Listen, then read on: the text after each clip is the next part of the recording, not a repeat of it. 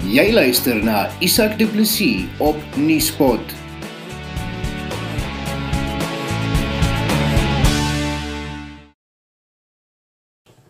Ten spyte van COVID-19 se hoë infeksiesyfers en gepaardgaande sterftes, sê Suid-Afrikaanse begrafnisondernemers dat hulle nog geen noemenswaardige verhoging in die groter sterftesyfer gesien het nie. Inteendeel, sommige begrafnisondernemers rapporteer 'n laer sterftesyfer as die ooreenstemmende tydperk verlede jaar. Nuuspot het aan die voorsitter van Vira Johan Resou gevra waarom dit so is. Daar's bitter min gevalle wat hulle fisies sê COVID-19. Um en ons het op, op ons Facebookblad het ons nou redelik gereeld op wat ons daarop uitwy is dat dit word as natuurlike oorsake met ander woorde 'n begrafnisondernemer of 'n hospitaalpersoneel het in die ou kom tot sterwe of dan sit 'n mens met 'n wesenlike probleem omdat die mense nie weet presies wat aangaan nie en omdat die begrafnisbedryf nie behoorlik opgelei is nie stel hulle self maar in hierdie siektes bloot beteken dit dat sterftes nie op sertifikate aangedui word soos wat dit moet aangedui word nie. Absoluut. Uh, ons het nou gegaan en ons daar's 'n media berig gewees op Netwerk 24 wat 'n dokter in die Kaap gesê het maar hulle skryf dit normaalweg as na natuurlike oorsake. Nou wat jou probleem wat daarmee sit is die die personeel wat met daai betrokke liggaam werk, ehm um, weet nie waarvan die persoon dood is nie. Die ander probleem wat ons daarmee kry omdat die verrassingssyfers toeneem, vir verwag 'n krematorium dat hulle moet presies weet wat die oorsaak vir dood is. Het sy dit nou hartaanval of COVID of enigiets anders is dat jy moet die betrokke oorsaak van dood moet uh, geïdentifiseer word. Nou dat dit nie gedoen word nie, nou verplig dit so begrafnisondernemer of 'n familie om 'n uh, privaat nadoodse ondersoek te laat doen wat jy weet 4-5000 rand ekstra kos. Maar ons weet nie hoekom die regering dit nie wil doen nie en ons is deel gewees met hierdie Liberty Fighters netwerk wat die saak teen Kokka gewen het mm. wat nou op appel is en dit is een van die aspekte wat ons geadresseer het is dat HIV en um, longontsteking en tuberkulose is jou onder is, is onderliggend maar die eintlik die oorsaak van dood Um, en maar dit word net nie gemeld as COVID-19. Ons het nou in die begrafnisbedryf omdat ons gereeld daarmee te werk gaan is um dat jou begrafnisondernemers is absoluut blootgestel aan hierdie goeie van hulle weet nie uh, jy weet wat wat kan gebeur of wat het gebeur nie. En dit moet gemonitor word, maar soos ek sê, die die die staatsinspekteurs is nie eens behoorlik opgelei om dit te doen nie. Daar's geen standaard munisipale stelsels in plek wat hierdie goedes kan beheer nie, sowel as op jou provinsiale en op 'n nasionale basis. Hulle het die regering het nie die kapasiteit om dit te kan doen nie en nog minder die kennis. Ons het ons het so ver gegaan om um, binne in ons hoofstukke gaan ons dan vra um, om die minister van Koptaf op, op stok te kan sit sodat hulle vir binnelandse sake kan kry om dit so te kan skryf want ons het ons het gevra dat die die fisiese sterftes van COVID-19 moet as hoofoorsaak gedoen word. Ons soek asseblief uh, deur middel van die Access to Information Act om dan daai in, inligting te kan kry om te kan ons saak te kan versterk in die hof. Uh, want dat die regering moet vir ons kan bewys dat dit dat dit COVID-19 is en nie net 'n uh, erge verkoue is nie. Want as ons gaan kyk na st statistieke van laas jaar in vergelyking met hierdie jaar, mm. um, is die syfers van hierdie jaar baie minder as um, die oor enige tyd laas jaar. Sê gou weer vir my die syfers van verlede jaar. Die syfer met ander woorde jou sterkste syfer, 'n syfer van laas jaar ooreenstemmend met hierdie jaar. Mm. Is laer um, hierdie jaar sin is laer as wat dit laas jaar was. Hoekom dink jy is dit so? Wel ek dit dit, dit kan seisoonaal wees. Kyk dit dit dit hang af Isak wat werklik uh, besig is om te gebeur. Ek weet dit is dood is maar ongelukkig ehm um, die mense kan dit nie beheer nie.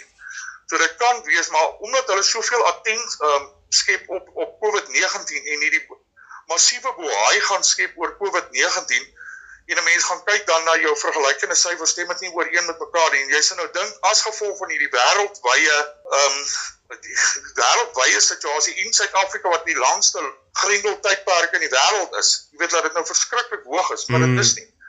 So ehm um, en ons ons is op 'n daaglikse basis as ek as voorsitter van Vira op 'n daaglikse basis met die begrafnisbedryf in kontak. En die ouens, jy weet die mense het vir ons gesê dis stil. Wat wel op uh, wat wel beduidend ehm um, gegroei het selfmoordgevalle. As ek jou reg verstaan, dan is daar twee probleme. Die een is dat daar minder sterftes as normaalweg eh, as verlede jaar hierdie tyd was. Absoluut. En dit en dis veronderstel om meer te wees uh, in na aanleiding van die media verslaan as jy kyk na sosiale media en jy weet die groei in in sterftes uh, wat wat hulle nou beweer op 'n daaglikse basis. Maar as mens vergelykings kyk, um, en 'n mens kan gaan kyk oor 2, 3 jaar voor 2020, is jou sterftesyfers hoër as wat dit hierdie jaar is vir dieselfde tyd. Ons het nou 'n geval gehad uh, terwyl ek nou gery het, het mense ons geskakel en het vir ons gesê die hulle kry, hulle ontvang die liggaam van 'n van 'n betrokke instansie waar die persoon oorlede is. As die liggaam eers by hulle is, by 'n begrafnisondernemer 'n dag of twee na die ou persoon dood is, dan kom hulle eers agter dis die persoon is dan word hulle in kennis gestel die persoon is dood aan COVID-19. Maar ons het ook ander gevalle gehad met 'n persoon selfmoord gepleeg het in in die Kaap en hulle het ook gesê dis COVID-19. So daar is absoluut geen beheer daaroor nie. En dis wat vir ons 'n wesenlike probleem is die die die, die regering het nie die kapasiteit nie En die begrafnisondernemers is afhanklik van 'n dokter wat sê maar luister die persoon is dood van uh COVID-19. En um, as mens kyk ook na die na die media berigte wat op ons Facebookblad is, die laboratoriums wat die goed toets, um is oorvol. Hulle kom nie by byvoorbeeld nie by die goede by die uh, by die by die by die toetsing daarvan uit nie. Met ander woorde die die hele proses op hierdie stadium is vir ons 'n wesenlike probleem. OK, maar nou nou nou wil ek iets probeer verstaan. As ek jou reg verstaan, dan het die die COVID-19 sterftes geen ekstra druk op julle geplaas in terme van sterfgetalle nie. Absoluut glad nie. Waar kan ek daai syfers kry? Weet jy ek staan nou voor 'n begrafnisondernemer in Dummerston en hulle is een van die grootste begrafnisondernemers omtrent met 6 of 8 kantore en hulle het vir my gesê um, dat hulle nie 'n verskriklike groei gehad het. Ek dink hulle het van die, die grendeltydperk begin het en ek dink hulle hanteer omtrent 150 na 200 begrafnisse 'n maand. Het hulle nog net een geval gehanteer wat ook nie eers um, basies kan bevestig word nie. Dit was Johan Rousseau van Vira bly ingeskakel want net hierna praat ons met 'n begrafnisondernemer. Nuuspot, jou tuiste vir Afrikaanse stories agter die nuus.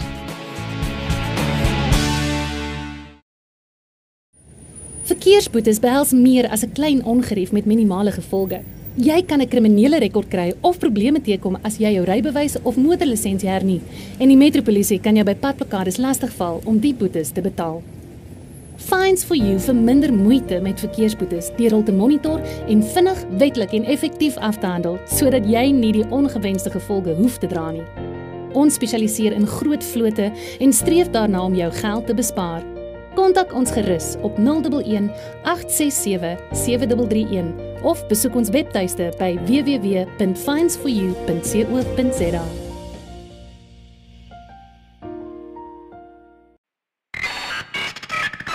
Jy luister na Nuuspot met Isak Du Plessis.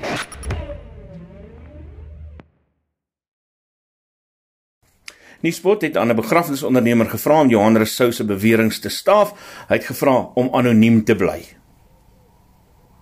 Ek verstaan dat jy nie 'n verskriklike toename in sterftes het in die nee, afgelope tyd. Nee, ons weet nie. Nee, dis maar dis normaal. Dis ehm um, ek kan nie sê ek het my stats tog gelyk met laas jaar en ek kan nie sê dat daar meer ehm um, sterfgevalle is nie. Wat is die syfers van daai statistieke wat jy het? Mm, dit is 'n goeie ding om met die media uit te share nie, maar ehm um, ek het anoniem bly, is dit fyn? Yes. Ehm um, ek het so ek het so 83 dienste gedoen vir die maand. Laas jaar dit het was dieselfde. Ja, om en by. Daar's nie ek kan nie sê daar's 5 meer of 5 minder, dit is dieselfde. Is dit ook die geval met ander begrafnisondernemers wat jy ken? dit is maar almal almal sê daar's nie daar's nie meer sterfgevalle as wat laas jaar was nie en die COVID-19 statistieke en die en die sterfgevalle wat ons kry sê, sê nie weer ekskuus het opgebreek die COVID-19 gevalle mhm en die sterftes hier in die oorgrond jy ek nie ken nie my en ek het dit ek praat met daai nie maar nie oor hier nie want baie gaan dit? So hulle sê hier nie hier's baie ehm um, sterfgevalle in die COVID-19 en wat kom maar dit dit kan ek en die ander groot begrafnisondernemers kan ek ek kan sê dat drie gehad die ander met die ander groot ondernemer hy praat van drie en waar gaan hulle heen? Dit maak nie sin nie. En wat sê die ouens hoe bespiegel hulle onder mekaar hier oor wat is hulle gevoel almal kyk dit is moeilik want jy weet nie of dit waar of die persone COVID-19 het of nie ons hanteer almal elke liewe een elke liewe een wat die inkom ehm um, wat keer ons wil as dit kyk met my kinders. Jy weet mos nou nie, jy wil mos nou nie mense jou mense blootstel hè. Ja, maar die die, die doodsertifikaat is spesifiseer ook nie dat COVID-19 op dit is of dit nie is.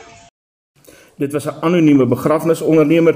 Sodra Nuuspot meer inligting het, sal ons dit ook publiseer.